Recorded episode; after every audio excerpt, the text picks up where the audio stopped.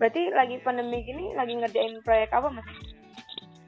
Uh, kalau kan memang kalau di yang di tempat sekarang ini karena memang saya posisinya building management, mm -hmm.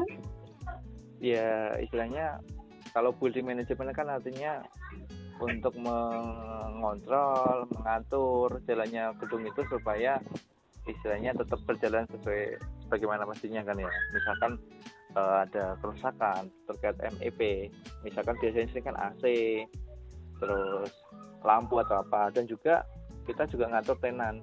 Tenan itu penyewa. Gedung kita kan ada 10 lantai. Nah 10 lantai itu sebagian kita makin dua lantai yang lainnya kan disewakan. Nah mm-hmm. kita ada ada penyewa baru ya kita nanti ngurus untuk fitting outnya kayak gitu. Izinnya pengawasannya kayak gitu. Nah di luar itu sih jujur saya juga ada beberapa project yang inilah yang saya job kayak gitulah kerjaan kecil-kecil jadi saya job jalan kerjaan jalan kalau di dunia kerja tuh perihal portofolio yang bakalan di nah, tertarik di suatu perusahaan tuh portofolio yang kayak apa? Ya bikin CV yang menarik. Satu bikin desainnya yang yang nggak biasa hmm. dari desainnya ya. Kalau saya sih jangan jangan bikin sesuatu yang formal sudah umum. Satu itu. Yang kedua, bikin ya tadi salah satunya itulah kayak organisasi itu masukin aja.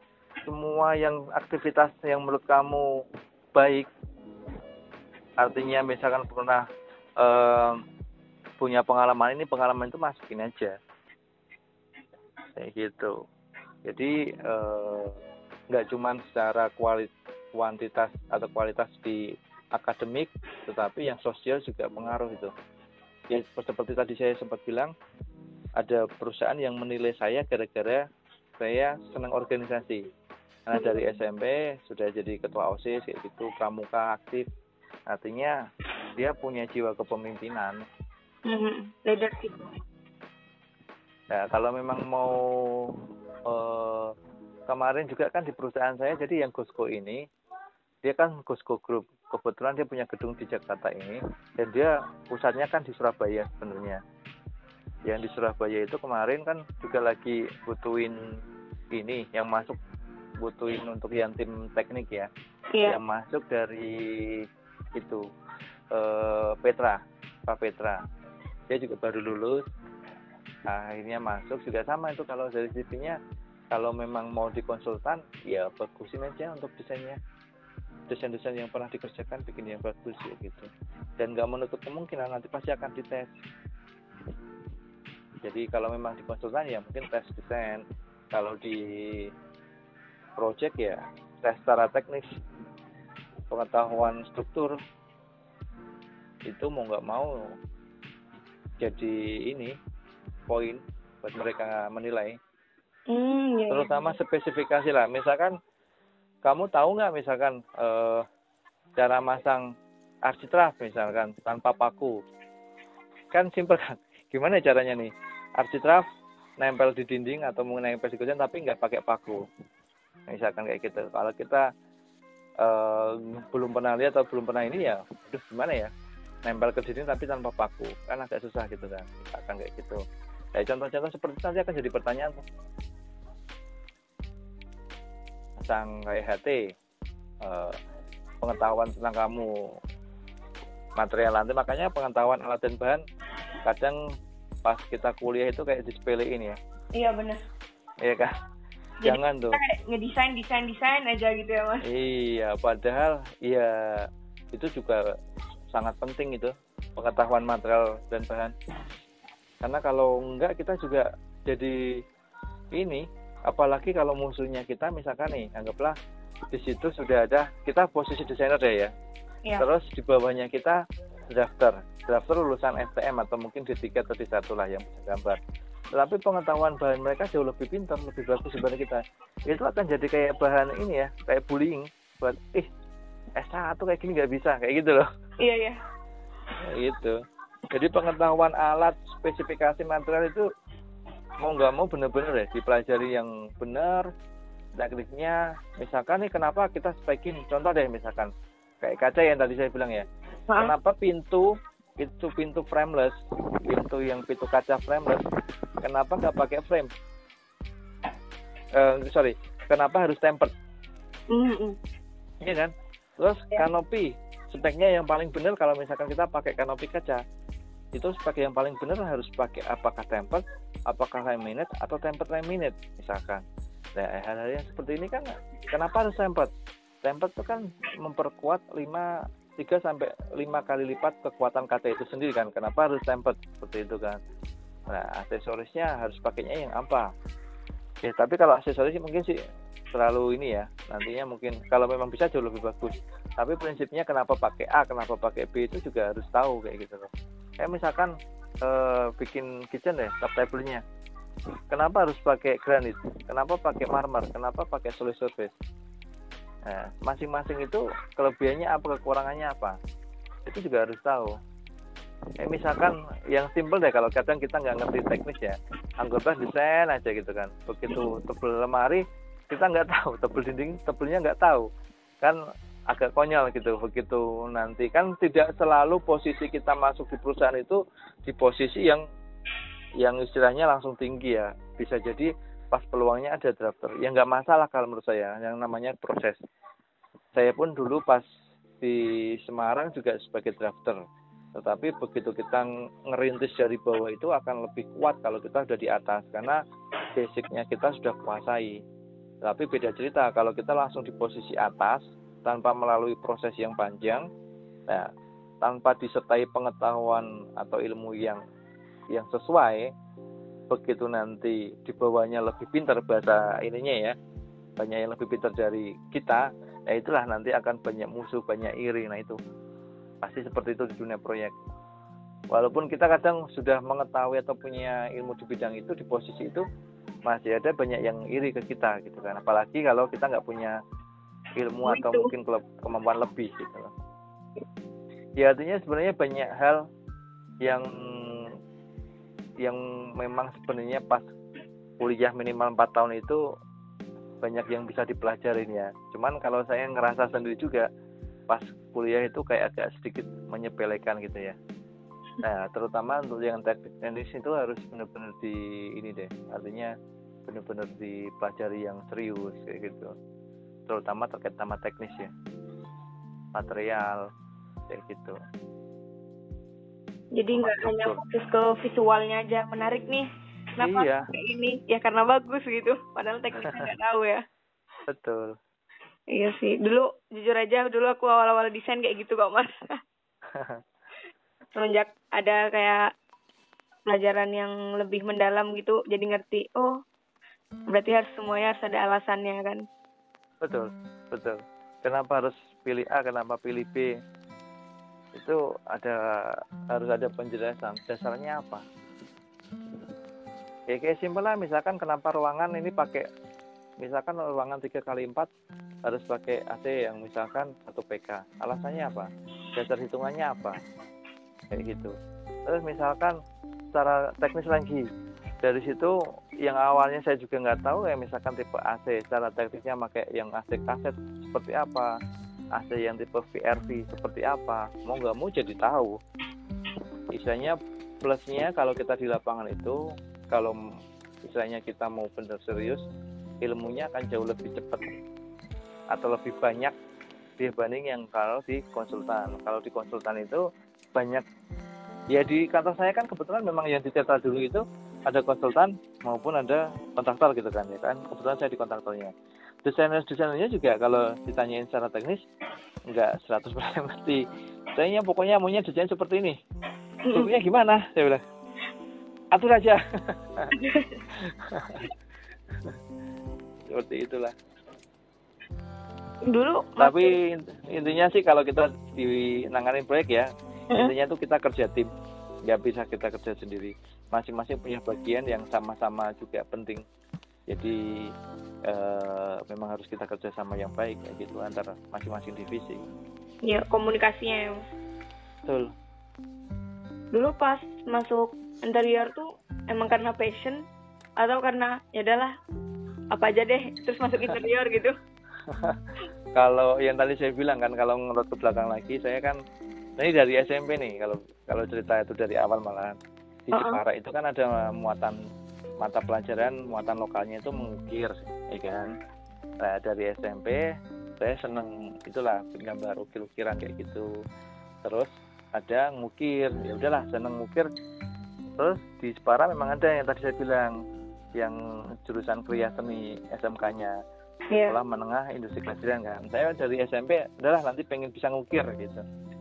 Saya masuk ke situ. Ya ternyata di di semik di SMK saya itu selain ngukir ada nukang ada finishing dan ada desain ada gambar gitu kan saya saya pelajari semuanya saya lebih senang di desain kan kerjanya ringan kan karena istilahnya untuk top pekerjaan setelah lulus itu adalah drafter tukang gambar waktu itu Hmm. Ya tadi yang saya bilang sebelum iya. saya jadi tukang gambar nih, saya pernah kerja juga jadi tukang, tukang kayu, tukang finishing maupun tukang ukir. Sebelum saya kerja di Semarang ya, karena hmm. saya kerja di Semarang itu kan setelah sekian bulan kebetulan ada permintaan dari Semarang itu butuh biasanya tadi saya bilang ada kerjasama dengan beberapa perusahaan di SMK saya. Jadi eh, BKK namanya Bursa Kerja Khusus ya. Jadi yang tadi saya bilang kalau ada nilai akademik yang bagus akan direferensikan biasanya gitu. Jadi sebelum saya kerja di Semarang itu saya kerja ikut di toko mebel. Hmm. Kayak gitu. Ini, ini ngomong ini ya dulu waktu itu saya gaji bayaran hariannya itu dua puluh ribu kerja nukang terus sama finishing di toko mebel. Tahun berapa mas? Itu 2022 lah. 2002 eh sorry 2002 2002 setelah lulus lah pokoknya.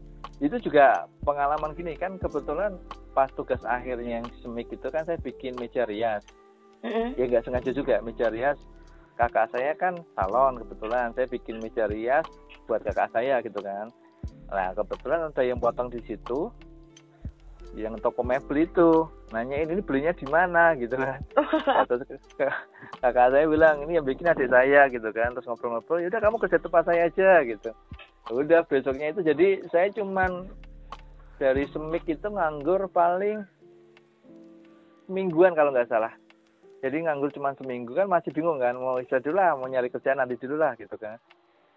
Nganggur cuma seminggu dari lulus SMK terus akhirnya kerja di situ. Sekitar tiga empat bulan atau nggak salah ya. Di situ ya itu ya nukang yang ngerakit. Uh, ada beberapa ngukir sama pernah juga pas di situ. Uh, yang agak jadi kenangan juga bikin uh, mimbar masjid untuk yang di masjid Cirebon. Saya nggak tahu. Jadi ownernya itu punya kenalan lah orang Cirebon. Hmm. saya, saya yang bikin desainnya saya kerjain sendiri tukangin sendiri ngukir sendiri. Dari yang awalnya saya cuma dibayar sehari dua puluh ribu. Karena saya merasa di diomong-omongin sama lah ya dikasih tahu. Hmm. jangan mau kalau dikasih bayaran segitu kan gitu kan. Ya sudah saya minta 30 gitu kan. Ya akhirnya sama bosnya dikasih 30 jadi saya bikin mimbar masjid itu dikirim ke Cirebon. Ya sayangnya dulu memang foto atau apa itu nggak ada ini ya belum seperti sekarang. Jadi yep. yang yang yang seperti itu tuh nggak terdokumentasi. Tapi paling nggak itu jadi pengalaman saya nah dari situ terus dapat kabar dari sekolahan. Karena memang kan saya aktif di organisasi. Mm-hmm. juga banyak yang guru-guru itu kenal sama saya. Nah, ini ada lowongan di Semarang kayak gitu. Mau nggak? Coba deh kamu daftar gitu kan. Ya udah saya ke Semarang daftar sama tetap seleksi. Jadi dari empat orang itu yang diambil dua orang. Dua salah satunya saya itu kan. Kerja di sana posisi drafter bisa dibilang sudah enak lah. Gaji UMR waktu itu. Nah dari situ pikiran mulai kebuka. Jadi teman-teman SMK saya itu yang angkatan saya 2002 itu sudah masuk di isi Solo.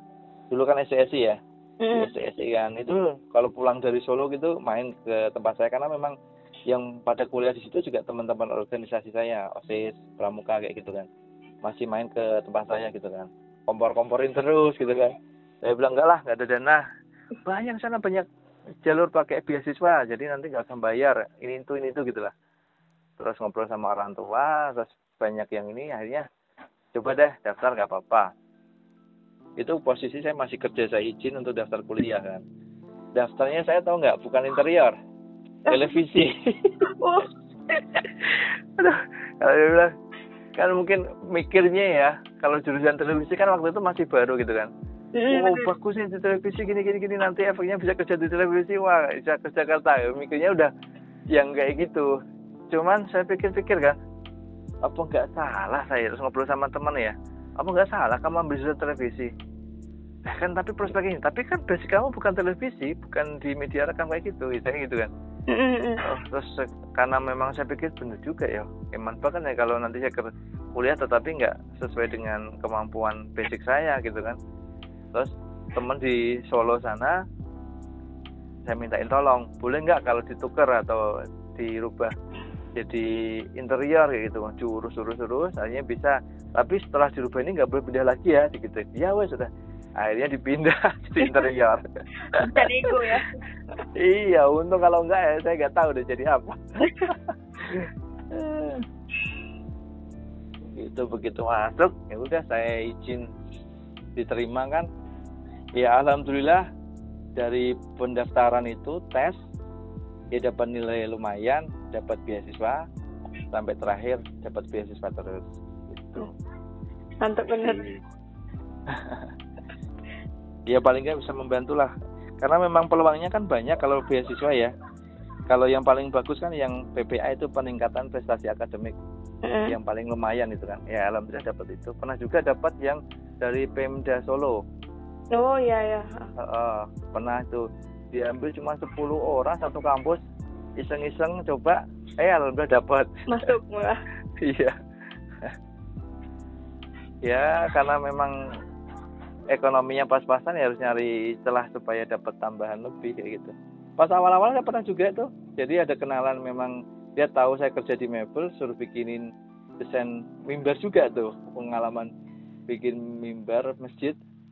Jadi saya bagi sama teman-teman yang di SMK saya saya desain dia suruh nukan jadi dikerjain kita sendiri kayak gitu proyek awal-awal Bareng-bareng. ya. iya gitu Ini ke depannya ada rencana nggak mas? Buat bikin usaha interior sendiri gitu? kalau untuk mengarah ke situ sih sebenarnya sudah saya rintis dari di yang di tempat saya PT Semar Makmur Sentosa itu saya sudah ada side job kayak gitu Mm-mm. jadi dulu awalnya sih mulainya saya nggak awalnya nggak ada kepikiran mau saya atau apa. Karena memang waktu itu kebetulan kantor lagi full. Terus yang eh, waktu itu kan ngerjain booth booth franchise kayak gitu loh. Namanya Potato Corner ini awal awalnya nih. Dari situ coba deh intinya mereka maunya tetap saya yang mengerjakan gitu kan entah lewat kantor atau mau pribadi pun nggak apa-apa. Ya udah dari situ mulai mindset job itu. Eh, beberapa tukang kan kebetulan memang tukangnya juga yang bawa masuk ke kantor kan saya. Oh iya. orang Jepara juga kebetulan. Ya udah kan ya udah. Terus akhirnya sewa bengkel buat mengerjakan. Sampai akhirnya saya di Sulawesi pas pindah perusahaan itu kan juga pekerjaan udah over ya karena memang di posisi main kontraktor kan jobnya lebih banyak dibanding yang saya sebelumnya ya. Mm-mm. jadi over lah. Yang kedua karena saya di Sulawesi waktu itu agak mengenaskan juga sebenarnya. Di sana itu kan memang eh, tempat ini ya gas ya kilang gas kayak gitu. Tempatnya agak pedalaman. Agak agak masuk hutan gitulah. Listrik jam 10 itu udah mati. Oh, terus sinyal itu juga sama. Akhirnya mak- kenapa saya juga punya dua nomor ini? Ini nomor yang di telepon ini kan juga nomor Sulawesi ini. Oh, akhirnya yang yang ada sinyalnya cuma sinyal Telkomsel. Telkomsel waktu itu. Nomor saya yang Indosat nggak ada sinyal kayak gitu kan. Sampai juga makan juga susah ATM juga. Kita mau ngambil uang makan itu 20-an kilo. Kalau sudah di atas jam 6 jam 6 malam ya jam 6 sore kayak gitu kita mau makan mau nyari ambil uang itu harus sejauh 20-an kilo.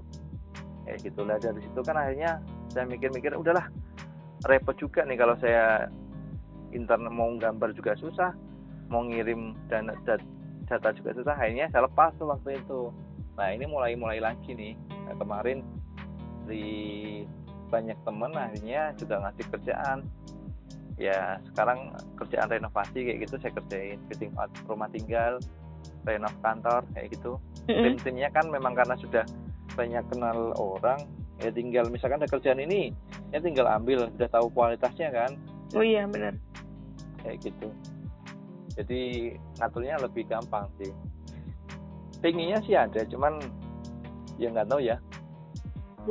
Eh, merintisnya sih coba udah saya mulai cuman nanti ke depannya seperti apa saya nggak tahu. Ini pun saya juga nggak tahu nih kondisi sekarang ini saya ada tawaran juga ke tempat lain. Apakah nanti mau tetap di BM building management atau di kontraktor lagi? Ada dua perusahaan yang nawari saya. Di mana sih satu kembali ke tempat yang kemarin di Tetra Konstruksindo karena waktu saya resign itu eh, posisinya memang tidak bermasalah. Pas waktu itu juga momennya juga bisa dibilang saya lagi bagus sampai saya terakhir juga dikasih bonus kayak gitu ya. Iya. Eh, karena memang faktor keluarga saya keluarnya gitu kan. Nah ini rencananya awal-awal tahun ini ada proyek di Jakarta proyek Telkomsel lagi juga di Jakarta Pusat. Dan dia mau narik saya lagi cuman saya belum belum iyain gitu. Mm-mm. dan yang satu lagi jadi koordinatornya eh, namanya sih manajer operasional koordinator project. Jadi eh, di atasnya PM oh cuman iya. tempatnya di Bogor nih saya belum tahu apakah nanti saya ambil atau enggak. Lumayan jauh. Ya artinya sebenarnya itu orang ini sebenarnya yang di Bogor ini juga kenal dia itu dulu salah satu subkon subkon saya yang mengerjakan di Tomori yang di Sulawesi. Nah, ini contoh ya paling enggak dia tahu karakter saya tahu saya kerja saya seperti apa saya kemarin cuma info sama timnya langsung dire- direkomendasikan. Langsung kemarin ditelepon sama direkturnya. Hmm. ya artinya pokoknya intinya kalau kamu atau adik yang lain mau kerja itu kerja yang benar lah. Karena kadang nggak sekarang tapi nanti juga akan ada efek baiknya kayak gitu loh.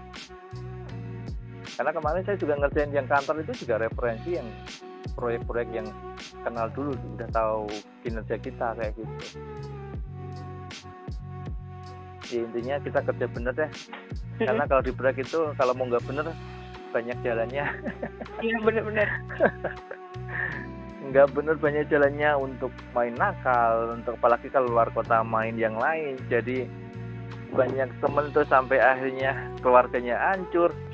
Aduh saya saya juga kadang lihatnya tapi gimana lagi? Kan urusan pribadi ya. Iya benar cuman yang namanya proyek keluar kota itu ya itulah banyak apalagi kalau udah keluarga gitu ya biasa punya ada istri ada anak kayak gitu begitu di sana bebas. Banyak teman-teman yang akhirnya ini kilaf. Terakhir ke Solo kapan mas? Terakhir ke Solo saya ke tempatnya Bu Narmi. Hmm. itu lebaran kemarin pak ya? Oh apa nikahnya anaknya Bu Narmi ya? Oh iya Iya. iya iya ada iya itu baru-baru Oh. kemarin itu kan ya Iya iya iya betul betul betul pas eh, akhir Desember 2019 kalau nggak salah. Mm-mm, iya bener Mm-mm, Terus itu teman saya saya- datang tuh. temen saya ada yang bantuin itu jadi Iya ngomong tamunya gitu iya iya betul. Ya, kalau sama Bu Nami udah kayak orang tua sendiri lah. oh masih sering komunikasi ya mas Masih sering juga. Ya kayak ibu saya juga di Solo gitu lah jadi punya keluarga juga. Kadang kalau saya main lebaran kayak gitu sama anak istri, kalau Mm-mm. waktunya pas bisa juga saya Mampir. gitu. Iya. Gitu sih. kalau Baik. project di Solo gitu pernah mas Project Solo belum pernah gue. mau belum ya paling dulu Bank Commonwealth itu di eh, Purworejo yang hmm. mendekati Jawa Tengah itu Bank iya. Commonwealth iya tapi udah lama banget Bank Jerman tahun 2009 kalau nggak salah udah lama banget iya bener Itu. oke ya Ih. kurang lebih ke gitu lah sedikit pengalaman saya Iya. Ada itu enggak nasihat buat ini anak-anak desain interior sekarang? Ya sebenarnya sih bukan hajat ya itu termasuk juga buat saya. Yang satu pertama ya mumpung kalian masih belajar belajar dengan yang benar. Jangan sampai nanti di saatnya kalian harus nyari uang atau kerja kalian baru belajar. Ya mumpung masih belajar dimaksimalkan cari yang benar, cari referensi yang banyak. Kalaupun nanti sudah lulus, tinggal kita passionnya mau ke mana, mau ke lapangan, atau mau, mau jadi konsultan. Nah, apa pun itu pilihan, mau jadi desainer, maupun jadi koordinator di lapangan, kerja yang benar, kerja yang jujur. Karena kejujuran sekarang udah sulit. Iya. Jadi benar-benar orang akan menilai dari cara kita kerja jujur atau enggak. Itu jadi benar-benar kita kebaikan buat kita juga jadi nilai positif buat kita kayak gitu. Dan kalau memang mau makan di Jakarta aja kalau menurut saya. Atau mungkin di perusahaan-perusahaan yang besar. Karena itu mungkin jadi langkah kalian dan nanti dapat misalnya uh, relasi ya? iya dapat relasi dapat tempat baru kayak gitu. Oke. Okay okay. ya, mungkin kayak gitulah. Ngobrol satu jam nanti bermanfaat banget satu jam ya lo? Iya satu jam lumayan juga ya. Karena nyambungan ya ngomongannya jadi berlanjut terus. Iya kayak gitulah. Iya. ya kalau kadang nih ya yang sedikit ke proyek lagi ya. Kalau ya. misalkan banyak hal yang yang nggak dipelajari di kampus ya ya mungkin karena memang kampus banyak hal yang dipelajari tetapi kadang bisa dibilang itu ya kadang tidak kurang relevan ya. Bukan tidak tapi kadang kurang relevan dengan kondisi yang sekarang. Kayak gitu bisa jadi. Kayak misalkan kayak kita di posisi pekerjaan tender kan kita juga nggak tahu. Unwishing kita seperti apa juga nggak tahu. Iya iya. Iya kan? Ya, yang uh. seperti itu. Administrasi project itu juga nggak tahu tuh. Nah yang sekarang yang tidak kalah penting namanya itu HSE ya atau K3 lah kalau zaman dulu. ASE itu Health Safety Environment itu ASE kondisi sekarang benar-benar jadi nilai penting terutama untuk yang uh, oil and gas kalau hmm. kita mengerjakan Pertamina atau yang terkait sama oil and gas itu HSE nomor satu pernah kejadian di Sulawesi waktu itu jadi cuman gara-gara masang galvalum atap untuk gazebo huh? itu jatuh gitu ya kena sedikit ngelukai kelingking ya, ya ampun. itu gara-gara itu aja istilahnya bahasa Inggris sekarang jadi kayak di lockdown di stop pekerjaan nggak boleh kerja sampai dilakukan identifikasi wah tuh kalau ya di penanganannya iya bener-bener ya udah kayak gitu buat mereka juga jadi nilai minus Hmm. Jangan sampai kan uh, dia bahasanya zero accident kan. Jangan sampai ada oh, iya. kecelakaan. Kalau begitu sudah sekian jam bagus gitu ya. Begitu ada satu kejadian nol lagi dia jamnya, jam kerjanya. Hmm. Kayak gitu di Pertamina hmm. seperti itu nggak nggak bisa sembarangan.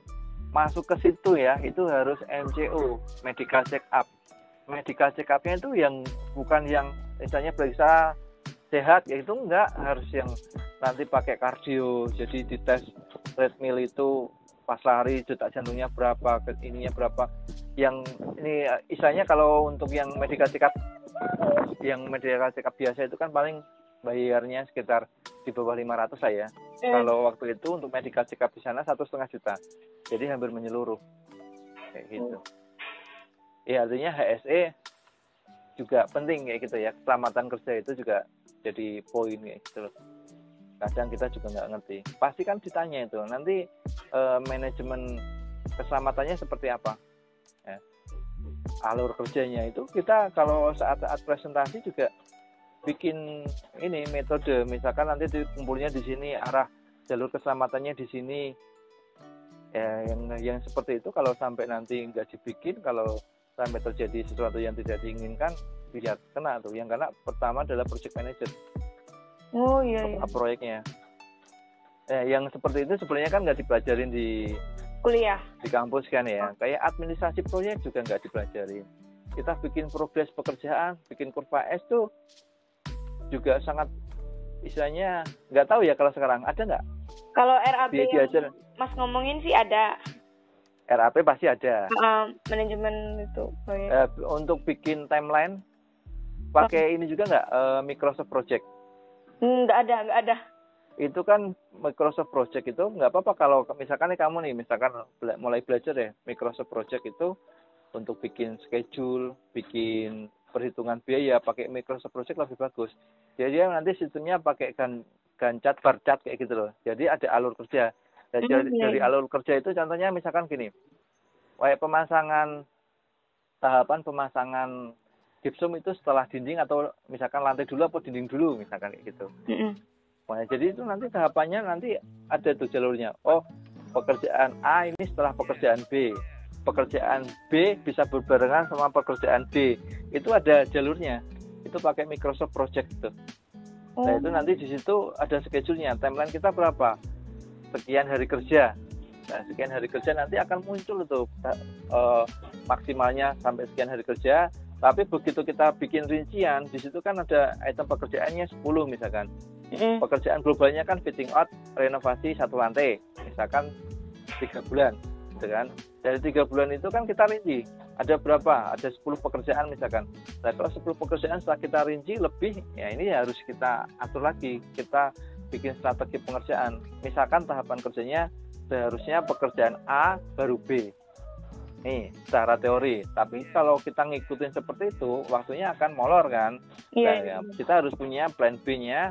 Berarti pekerjaan A itu nanti baru setengah, pekerjaan B sudah mulai masuk. Dengan nunggu pekerjaan A selesai, baru pekerjaan B mulai. Contoh kecilnya seperti itulah.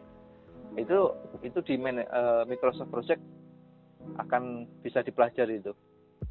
Oh, Nah itu mungkin jujur sih dulu nggak diajarin ya, cuma saya belajarnya otodidak juga, saya dari komputer, dari YouTube, kayak gitu karena eh, nggak bisa juga kita belajar atau tanya, misalkan nih saya posisi project manager ya, iya. terus saya masuk, saya nanya ke PM yang lain nggak nggak lucu gitu, bener. iya kan? Iya, itu yang seharusnya sudah itu be- apa ya skill basic yang harus dikuasai untuk project manager misalkan kayak gitu. Ya mau nggak mau saya harus belajar sebelum belajar sendiri lah sebelum mengerjakan itu. Termasuk kayak kurva S. Kurva S jujur juga juga bikin bingung. Awalnya kurva S gimana? Ternyata kan fungsi kurva S untuk kita membuat progres. Nanti kapan kita harus nagih kapan kita harus serah terima di minggu keberapa progres sekarang seperti apa target progres berikutnya seperti apa. Kalau nggak kecapai nanti harus plan B-nya seperti apa. Nah itu di situ semua. Kalau kurva S bikinnya sih pakai Excel. Oh iya. kalau kurva S. Kayak gitu. Kalau itu tadi pakai Microsoft Project.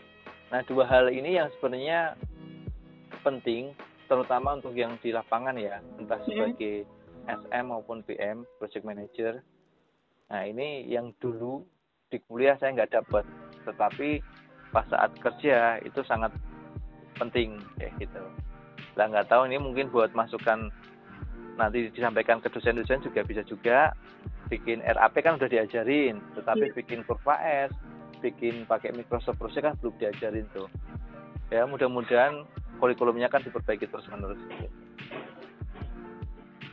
sebenarnya kalau ngomong proyek banyak sih cuman memang Bisa di lain waktu. nanti kalau kalau kita kerja kita menemukan kasus nah itu baru kita belajar lebih kalau enggak ya seakan-akan ilmu kita sudah cukup ya oh, iya, semakin benar, kita belajar itu semakin kita nggak ngerti loh sebenarnya jadi Oh. semakin banyak hal yang kita tidak mengerti semakin kita belajar.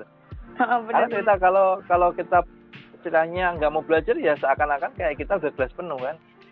Diisi tumpah diisi tumpah gitu. Tapi kalau kita mau belajar itu seakan-akan kita tuh nggak mengerti. Dalam arti kita sebenarnya itu masih belum tahu apa-apa gitu loh. Banyak ilmu yang belum kita ketahui. Kayak gitu. Ya ilmu itu kan bisa bisa dapat dari pengalaman teman. Kita ngalamin sendiri atau mau belajar bisa belajar dari mana pun lah. Iya. seperti itulah kurang lebihnya seperti itu Baik. Kem- kemarin yang sudah siapa aja yang yang sudah dihubungi? Salah satunya Mas Denis itu dari Oke, alumni ISI juga. Terus ada beberapa yang bukan alumni ISI, kayak anak Oke. ITB gitu. oh, Nah, ini udah podcast terakhir ini. oh, Heeh. Mas Arif. Oke. Oke, oke. Ya mungkin sedikit pengalaman saya buat berbagi sama yang lain, lah, terutama di adik tingkat yang mungkin istilahnya mau kerja di bidang interior ini, ya mumpung kalian masih belajar, belajar yang benar, supaya nanti saatnya belajar ya belajar, saatnya kerja kerja, jangan saatnya kerja baru belajar. Benar benar benar. Oke. Gitu. Udah Oke. jam ya. Hampir mau dua Oke. jam ini. Saking asiknya. Oke oke. Makasih banyak atas waktunya ya Mas. Iya sama-sama. Udah bagi Oke, oke. pengalaman yang bah berharga banget lah ini. Oke oke sama-sama. Kayak gini Oke. pun juga karena isi Surakarta saya. Oh iya. jadi bangga ya jadi bagian dari isi Surakarta nih. Iya, bangga juga jadi bagian isi Surakarta. Terima kasih sama Bapak Ibu dosen yang sudah mau mengajari kita, yang dari nggak ngerti apa-apa sampai bisa lulus, bisa bekerja, bisa nyari nafkah buat keluarga. Terima kasih ya. Mungkin salam juga, salam hormat saya buat semua Bapak Ibu dosen isi Surakarta. Ya nanti Terima kasih. Nah. Siap. Ya. Oke. Selamat beraktivitas lagi ya Mas. Ya, makasih ya sama-sama Ya, ya. sama-sama. Assalamualaikum. Iya. Waalaikumsalam.